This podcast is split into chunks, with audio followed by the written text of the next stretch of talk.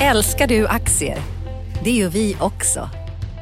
Sea Worldwide Asset Management är en av Nordens största oberoende aktiva aktieförvaltare och har samlad kunskap sedan 1986.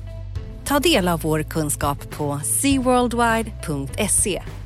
Bokstaven C, worldwide.se.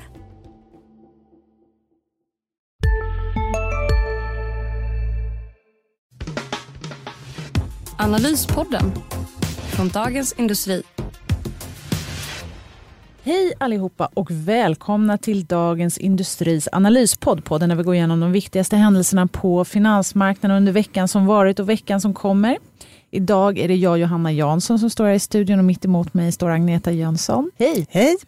Vad kul, det var länge sedan du och jag stod här i poddstudion tillsammans, eller Precis, hur? Ja. Eh, det var, och det är lite, lite kul också. Det är sådana här specialveckor nu när det är lite, vad ska man säga, de här, alla de här klämdagarna, det är när det händer lite grejer faktiskt. Eller hur? Händer, det, är inte, det är inte, resten av världen har inte noterat att Sverige har gått ner på halvfart här, eller hur? Precis, sen är det rätt praktiskt. Eh, USA-börsen har gått upp två dagar i rad och eh, eftersom vi slapp jobba igår så tar vi igen alltihopa så vi går upp dubbelt idag då.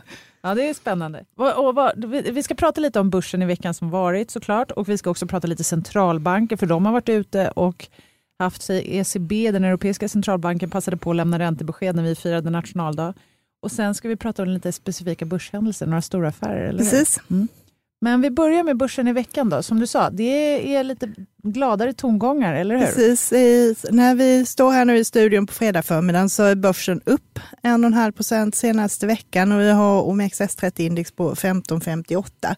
Det innebär att vi har kommit upp en bit från botten. Vi var ju nere på 1500 och vände här, häromveckan. veckan. Å andra sidan så ligger vi liksom en bra bit från toppen som vi var uppe i 1700. Så att, men hittills i år är börsen upp 13 procent. Det är bra så här långt. Vi har haft en kyl nu som är på 8 procent ungefär. Så, Så det är ändå så här, den rör sig runt en horisontell axel, kan man säga Precis? Ja. men å andra sidan 8 procent hit och dit, Mm. det är ju en normal årsavkastning, så det är ju ganska stora svängningar i det hela. Så är det. Men och det var ändå på ett sätt väntat. Det är det man har pratat om från makrohåll, att när, eh, om man ser ur ett längre perspektiv, när Fed började höja räntan, då skulle de här riskpremierna gå upp lite, de som var nedtryckta efter finanskrisen, och då blir det mer volatilt. Precis, det, det är ju lite skolbokkör nu att man varierar mellan att tro på starkare konjunktur eller på sämre konjunktur och så det är räntan som, Som, som styr det hela.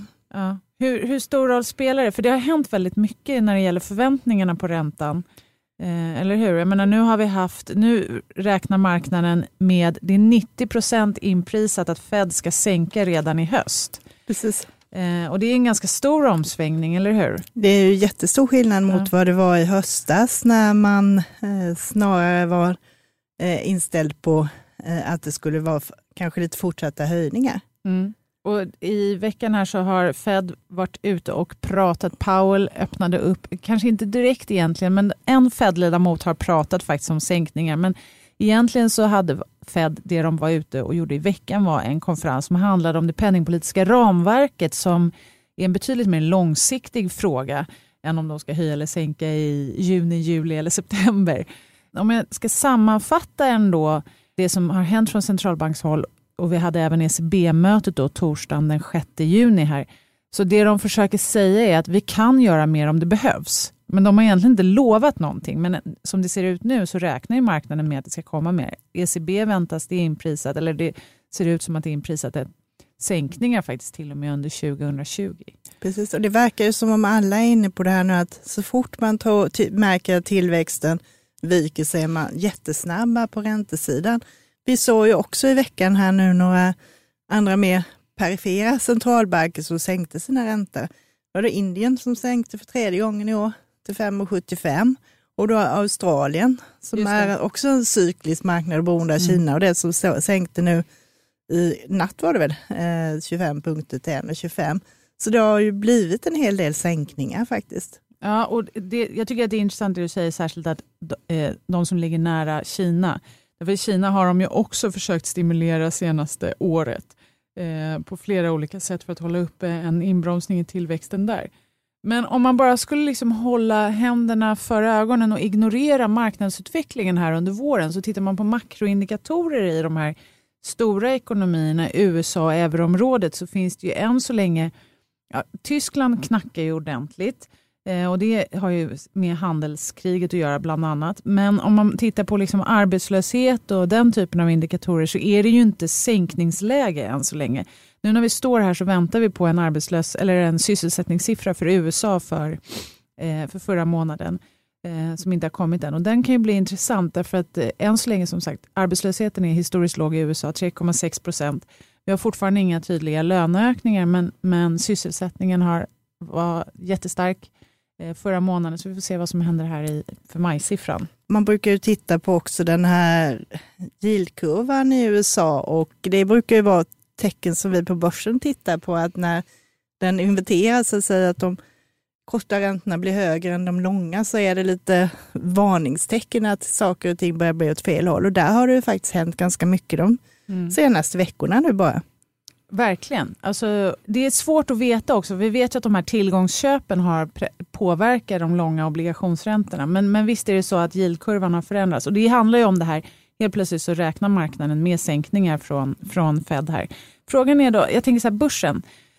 Alltså det är lite, mm, om man ska tro på sänkningar på riktigt, då är det ju också på grund av att konjunkturutsikterna ser sämre ut. Så hur kan börsen klara sig ur det här med glädjen i behåll? Alltså. Det, blir, det, precis, det blir väl lite tveksamt. Bankerna ja. får ju stryk på det här. Där hade man ju gärna sett faktiskt lite högre räntor, i alla fall här på hemmaplan. Bankerna har varit tufft med minusräntorna för bankerna här. Så det har ju liksom satt ner humöret på dem de senaste veckorna här och även de europeiska bankerna lite.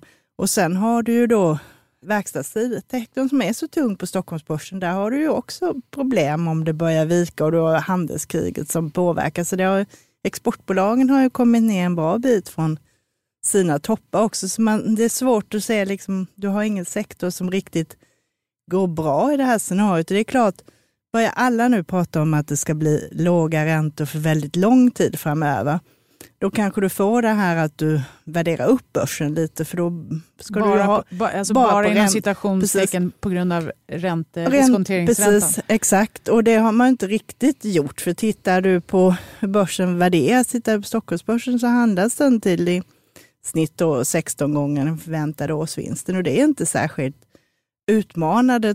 Och så har det varit historiskt också. Men tror du då på långa räntor låga räntor väldigt länge, då kanske du hamnar i det här TINA-grejen igen, mm. att det inte finns något annat än aktier och då så kanske du ska ha en uppvärdering även om det inte There's riktigt... no alternative. Ja, precis, så att, men det får man ju se lite, men det känns inte...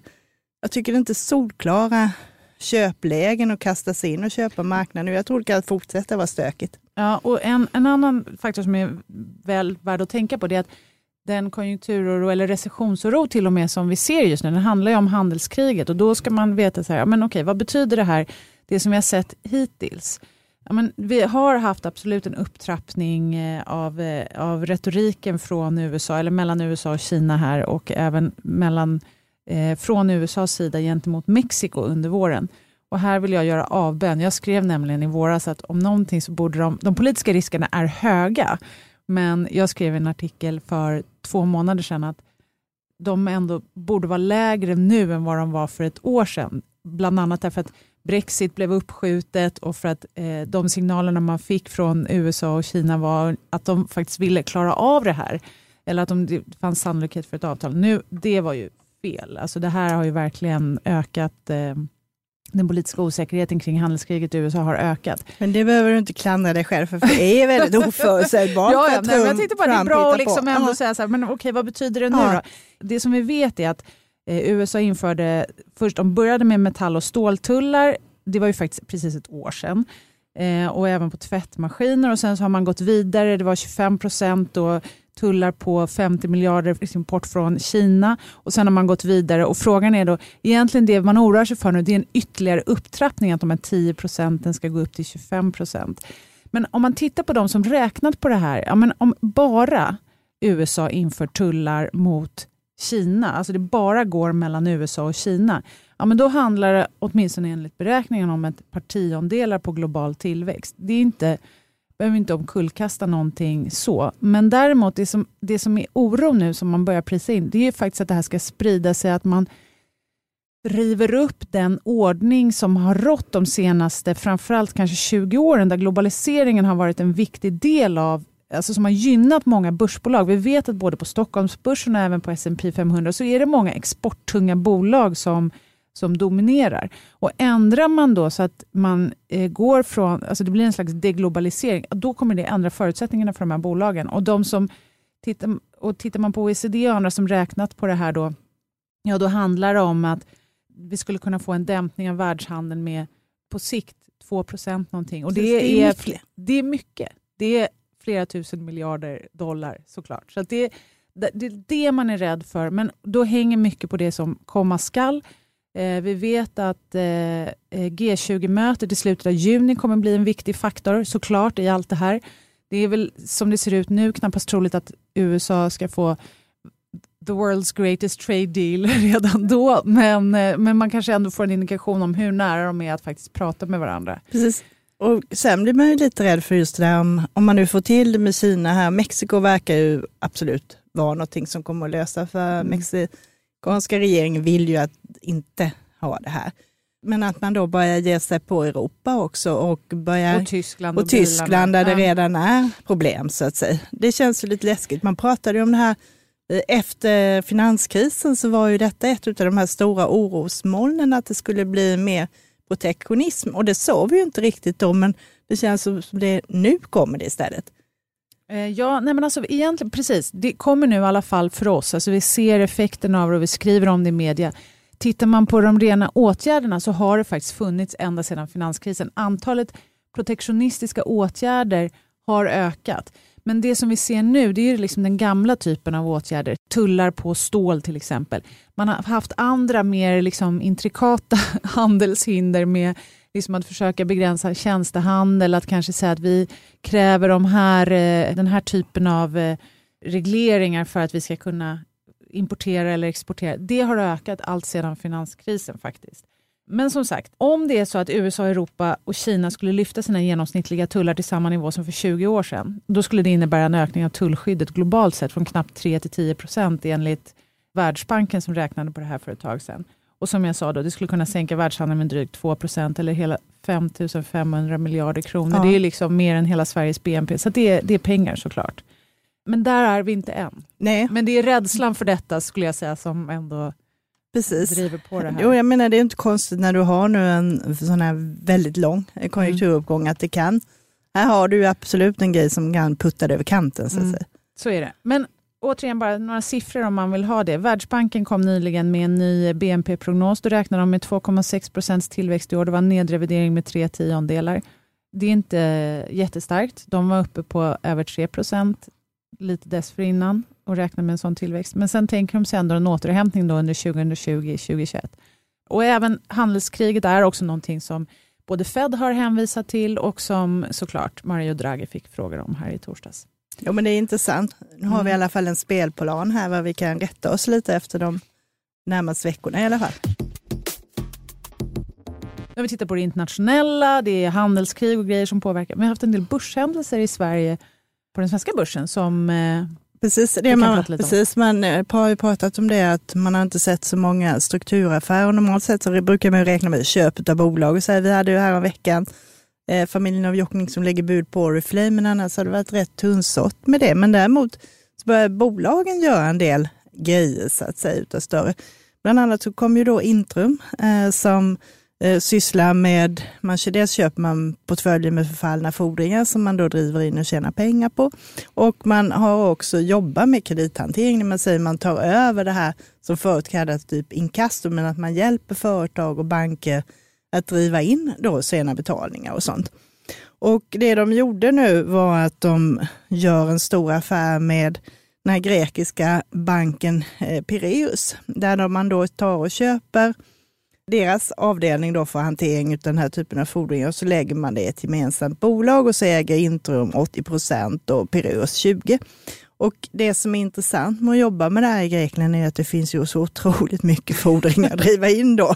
Bra marknad att gå in i. Precis. Samtidigt som Grekland ändå börjar återhämta sig. Så det är, Precis, alltså, för, för då, det är ju sånt som ligger kvar i Mm. bankernas balansräkningar och de har liksom hamnat i en sån här jobbig situation att de kan inte skriva av det för då behöver de mer kapital utan Mm. det, liksom, det bara ligger där. Så att nu bör man ta tag i det där och det Intrum är ju är stor, stora i Europa på det här och har jobbat med det här väldigt länge så det är en bra affär och eh, det de gör där är att eh, de köper inga portföljer denna gången vilket gör att de börjar tjäna pengar på det här ganska snabbt och eh, då räknar man med att de kommer att kunna lägga till 3 kronor i vinst per aktie nästa år i med den här affären. du gillar den här affären? Ja, jag tycker det. Den var, precis, jag gillar bägge delarna. Den här Mm. affären var ju ganska stor, 3,5 miljard och hela börsvärdet på Intrum är drygt eh, 30 miljarder. Så det är ju liksom, man lägger till en tiondel ny verksamhet helt Mm. enkelt.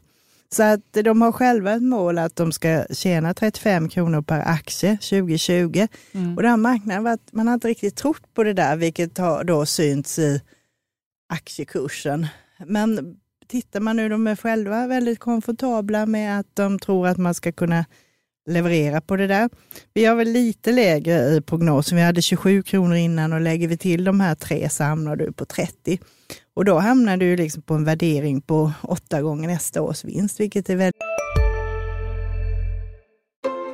Sista dagarna nu på vårens stora season sale. Passa på att göra sommarfint hemma, både inne och ute. Och fynda till fantastiska priser. Måndagen den 6 maj avslutar vi med Kvällsöppet i 21. Välkommen till Mio. CSRD. Ännu en förkortning som väcker känslor hos företagare. Men lugn, våra rådgivare här på PWC har koll på det som din verksamhet berörs av. Från hållbarhetslösningar och nya regelverk till affärsutveckling och ansvarsfulla AI-strategier. Välkommen till PWC väldigt lågt. Så att, eh, jag ser fortfarande att det är lite missförstått. Det är väldigt många blankar in i det här också, vilket gör då när det händer positiva saker så blir det lite extra skjuts Mm. Och det har det blivit nu de Ja, senaste precis. dagarna, eller hur? Det har det blivit de Idag senaste är de dagarna. uppe 1,6 procent på... Precis, så att de har gått upp varje dag sedan det här Mm. kom. Så att eh, jag tycker att det finns mer att hämta där, så att säga, även om den Så stora... blankarna har fel? Jag tror blankarna har fel och det har de haft eh, eh, ganska länge. Jag tror man, man ser det här lite, eh, lite fel. Det här är en sån här grej som rullar på så att säga. Det är inte riktigt så svängigt i resultaten som vad aktiekursen kanske Och är det vill. den typen av påverka. aktier som man ska titta lite på, tänker du? När, om man nu tänker makrostoryn med handelsoro och lite sättning i konjunkturen och allting. Så här, är det den typen av aktier som man ska titta Precis, på då? Om för- man nu ändå vill vara kvar på börsen? Jo, men jag menar, de funkar ju absolut, sådana där du har lite st- strukturcase, man har kommit Mm. en bit på vägen, det ser rätt bra ut. Man brukar ju alltid börja prata om dem när det är stökigt i Italien till exempel, för de är ju väldigt stora i Italien. Och det är det nu? Och det är det ju nu, Mm. vilket också då påverkat lite negativt. Men egentligen så länge det inte blir tal om massarbetslöshet och så, utan folk fortfarande har Mm. kvar sina jobb och sådär, så rullar den här verksamheten på ganska bra. Mm. Så det tycker jag absolut man kan fortsätta titta på.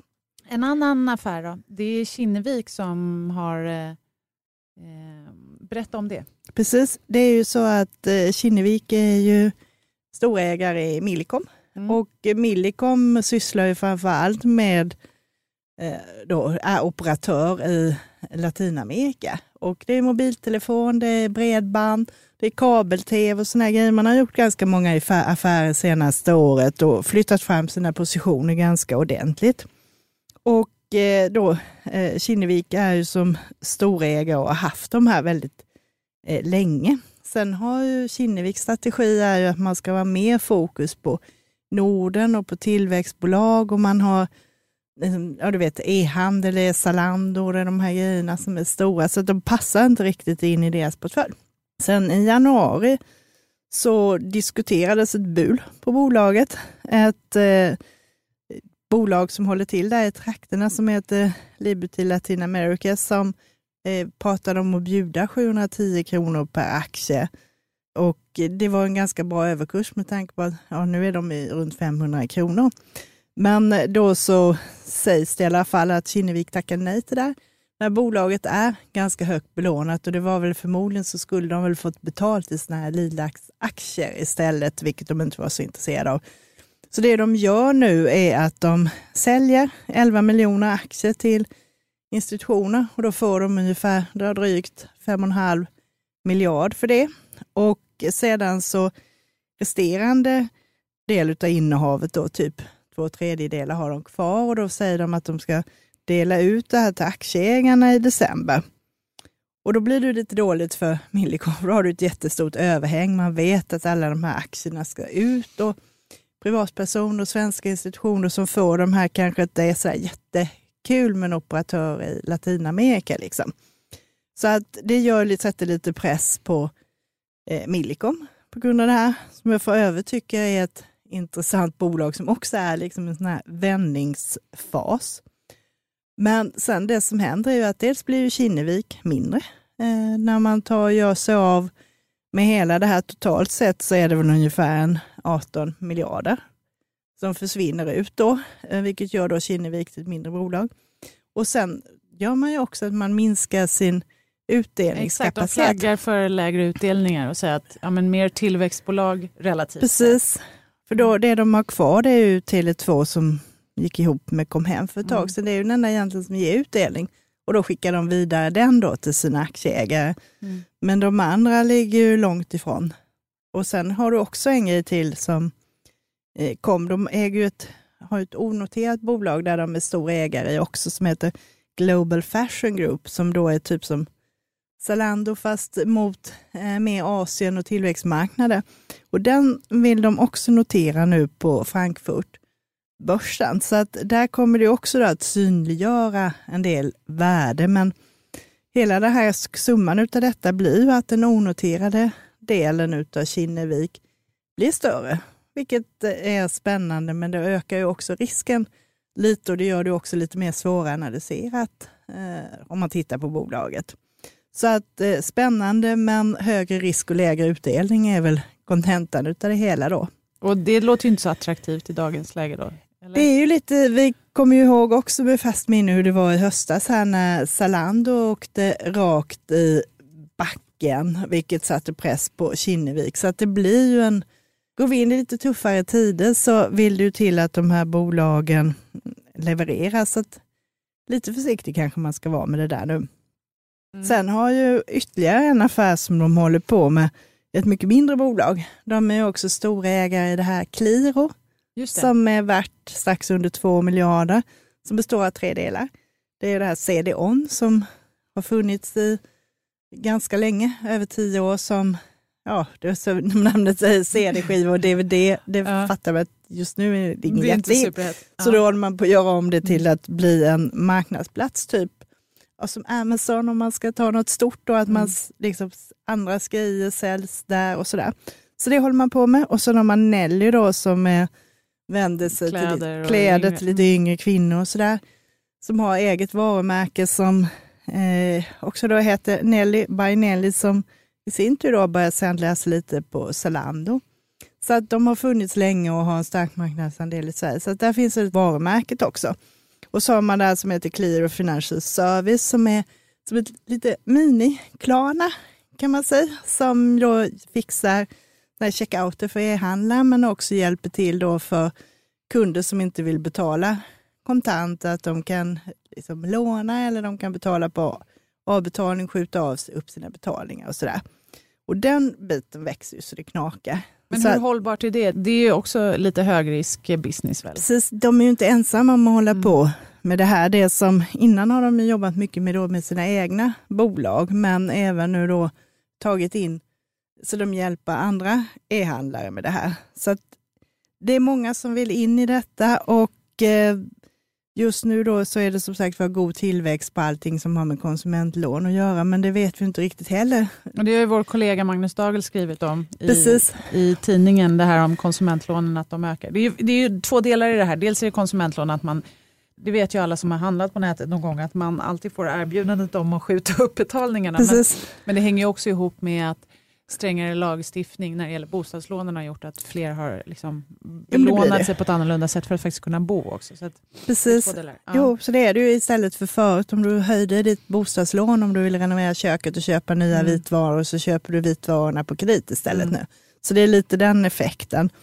De som har räknat på det här i och med att det ska, nu har, nu har man jobbat med det här ett år, så varje bolag i del i KLIR och är nu liksom, så det kan stå på egna ben.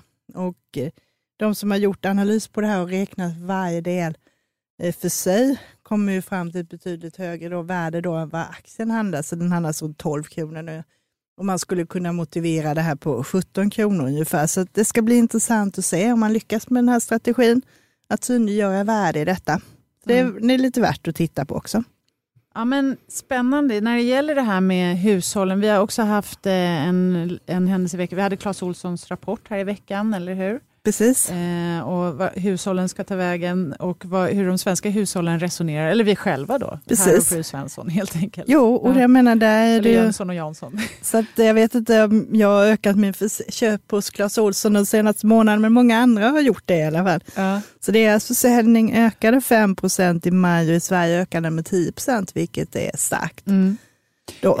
Jag tänker, det, när man tittar på från makrosidan då, när det gäller de svenska hushållen så är de faktiskt de är lite deppiga. Och eh, hushållsförtroendet var det lägsta på sex år i den senaste konjunkturbarometern från statliga konjunkturinstitutet. Och bland annat så är det kapitalvaruinköp. Eh, apropå det vi Ja. pratade om att man det är inte lika lätt längre att, att öka på bostadslånet och köpa kylskåp. Och det, det, så det kan säkert hänga ihop med bostadsmarknaden. Vi vet också att eh, hushållens köpkraft när det gäller bostäder har faktiskt försämrats. Den är fortfarande god tack vare låga räntor, men den har försämrats de senaste månaderna. Så att, eh, lite deppigare hushåll, men, men det kanske är, då kanske det är lättare att handla just småprylar på Clas Ohlson, vem vet? Det kanske är så, då kanske Mm. man måste börja fixa lite i köket själv istället för att ta in några firmor som sköter omläggningen här. Men så, Clas Ohlson är ju lite så här turnaround case också. De håller på att lägga ner, de har stängt ner sina butiker i Tyskland, de håller på att stänga ner i Storbritannien och så där. Så det är ju sådana grejer som har kostat och de vill också öka andelen egna varumärken och det är också så här jättetrend att alla vill ha egna varumärken, inte bara sälja andras prylar så att säga. Och det är klart, eh, det är ju, Clas Ohlson är ju mängder med pryttlar och mycket utav det är ju liksom importerat då och säljs vidare. Och det är klart, då är det lättare att kanske ha bättre marginaler på egna brand då.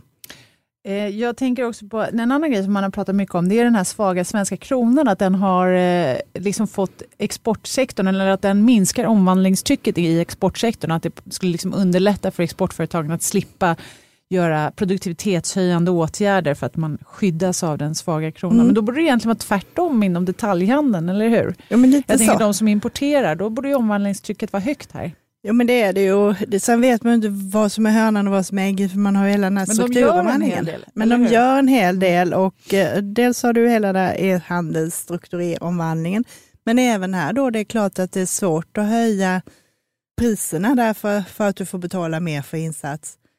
Eh, de grejerna du importerar så att säga. Men det är ju också åt andra hållet, typ om eh, vi svenskar köper grejer på Amazon. Jag menar, eh, kostar en hammare 8 dollar så kostar den ju 8 dollar, fast för mig är den ju dyrare nu än vad det var för ett halvår sedan. Precis, ja, och vi vet att kronan också dessutom säsongsmässigt brukar gå svagt under sommaren, så att vi får väl se hur det går för vår lilla krona här under juni och juli. Precis, det blir som kollegan Henrik Mittelman ska göra, det blir semester på hemmaplan som rekommenderas hemester, då. Exakt. Och det är ju intressant att se och det är ju också bäring på som många tar upp nu, att om man har liksom haft en massa investeringar utomlands och framförallt eh, många har ju eh, eh, amerikanska aktiefonder och sånt så ser det ut som det har gått fantastiskt bra men en väldigt stor del i det är ju valuta så det är väl också sånt där om man inte har något annat att göra här på semestern och fundera över egentligen vad man har för valutarisk i sina placeringar. Och kanske, ja, man ska väl inte ta hem några vinster innan man ser att det vänder, men det kan vara bra att veta, precis som du säger, att man, har man haft utländska fonder så har man gjort en vinst, en valutavinst. Precis. Mm. Och sen kanske man ska fundera lite innan man dundrar in i nya grejer här, för risken är ju att du får valutan emot dig. Om, om om du... den svenska kronan stärks, ja. Precis. Mm. Så semester på hemmaplan och investera på hemmaplan, är det så man ska tänka? Kanske. Ungefär så i alla fall. Om vi tittar så fram till midsommar så kanske vi ska hålla oss där. Ja, men eh, vi kommer fortsätta analyspodda under sommaren, eller hur Agneta? Inte just du och jag kanske, men det kommer att komma ut eh, poddar. Och, eh, så, att, så, det ska man lyssna på. Men den närmaste veckan då, innan midsommar, vad, är, är det någonting särskilt du kommer hålla ögonen på? Nästa vecka kommer det inte hända, så det är inte så mycket schemalagt i alla fall på börsen. På måndag så är våra kollegor i Oslo och Köpenhamn håller stängt, mm. så då blir det ingenting där. Sen på tisdag får vi faktiskt en rapport, det System är som eh, rapporterar som har brukat räkenskapsår. Sen har du då försäljningssiffror för ICA du har trafiksiffror för SAS. Det är ju sådana här grejer man Återigen det här på. lite med hushållen blir ju lite spännande. det får vi också hushållskonsumtion i, i svenska data för det. Det ser ut som att de, de ökade, påsken spelar in här så det blir lite mm. klurigt. Mm. Men det blir lite hushållsfokus då, eller konsumtionsfokus Precis. nästa vecka. Ja. Och påsken är ju en sån här mm. stor helg för mat och godis och alla sådana där grejer. Så att, eh, och den kommer ju då i andra kvartalet den här gången. Sen har du, och då på onsdag så kommer spanska Inditex eh, H&M konkurrenten som har med Sara-butikerna med sin rapport. Och i förra veckan så kom amerikanska Gap med sin rapport och då visade de en minskad försäljning på 4% under... Ja, det blev, då blir det lite sämre för alla de här kläderna. Precis, då åkte alla de här bolagen ner och även H&M så att nu får vi se vad Inditex har att säga. För det får ju också lite bäring på H&M eftersom de är på samma marknad och de mm. är och Samma globala. dag får vi även eh, Prosperas inflationsförväntningar. Så också eh, liksom man, när man tittar på både arbetsgivare och arbetstagare vad de räknar med för inflation framöver i Sverige. Så också lite hushållsfokus där. Och sen händer det inte mycket mer på mm. börsen den veckan. Sen mm. kanske, vi vet inte, det kanske kommer några fler affärer. Det vore kul. Ja, det vore kul i avsaknad. Precis.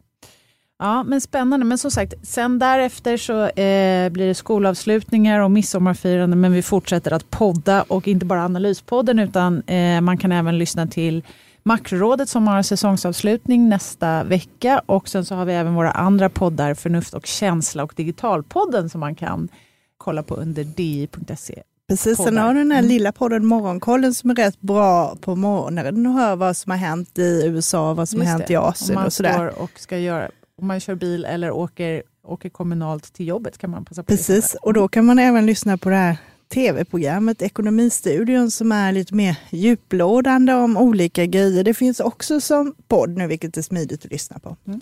Det låter bra. Det har att göra helt enkelt. Tack så mycket vi. för idag Agneta. Och nu blickar vi fram mot den amerikanska sysselsättningssiffran och sen helg. Precis. Toppen. Ha en trevlig helg allihopa. Tack så mycket. Analyspodden från Dagens Industri. Programmet redigerades av Umami Produktion. Ansvarig utgivare Peter Fellman.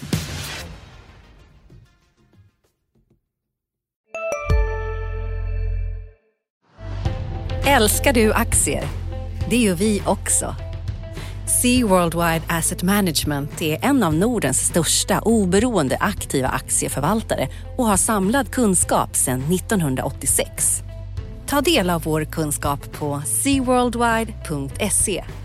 Bokstaven C, worldwide.se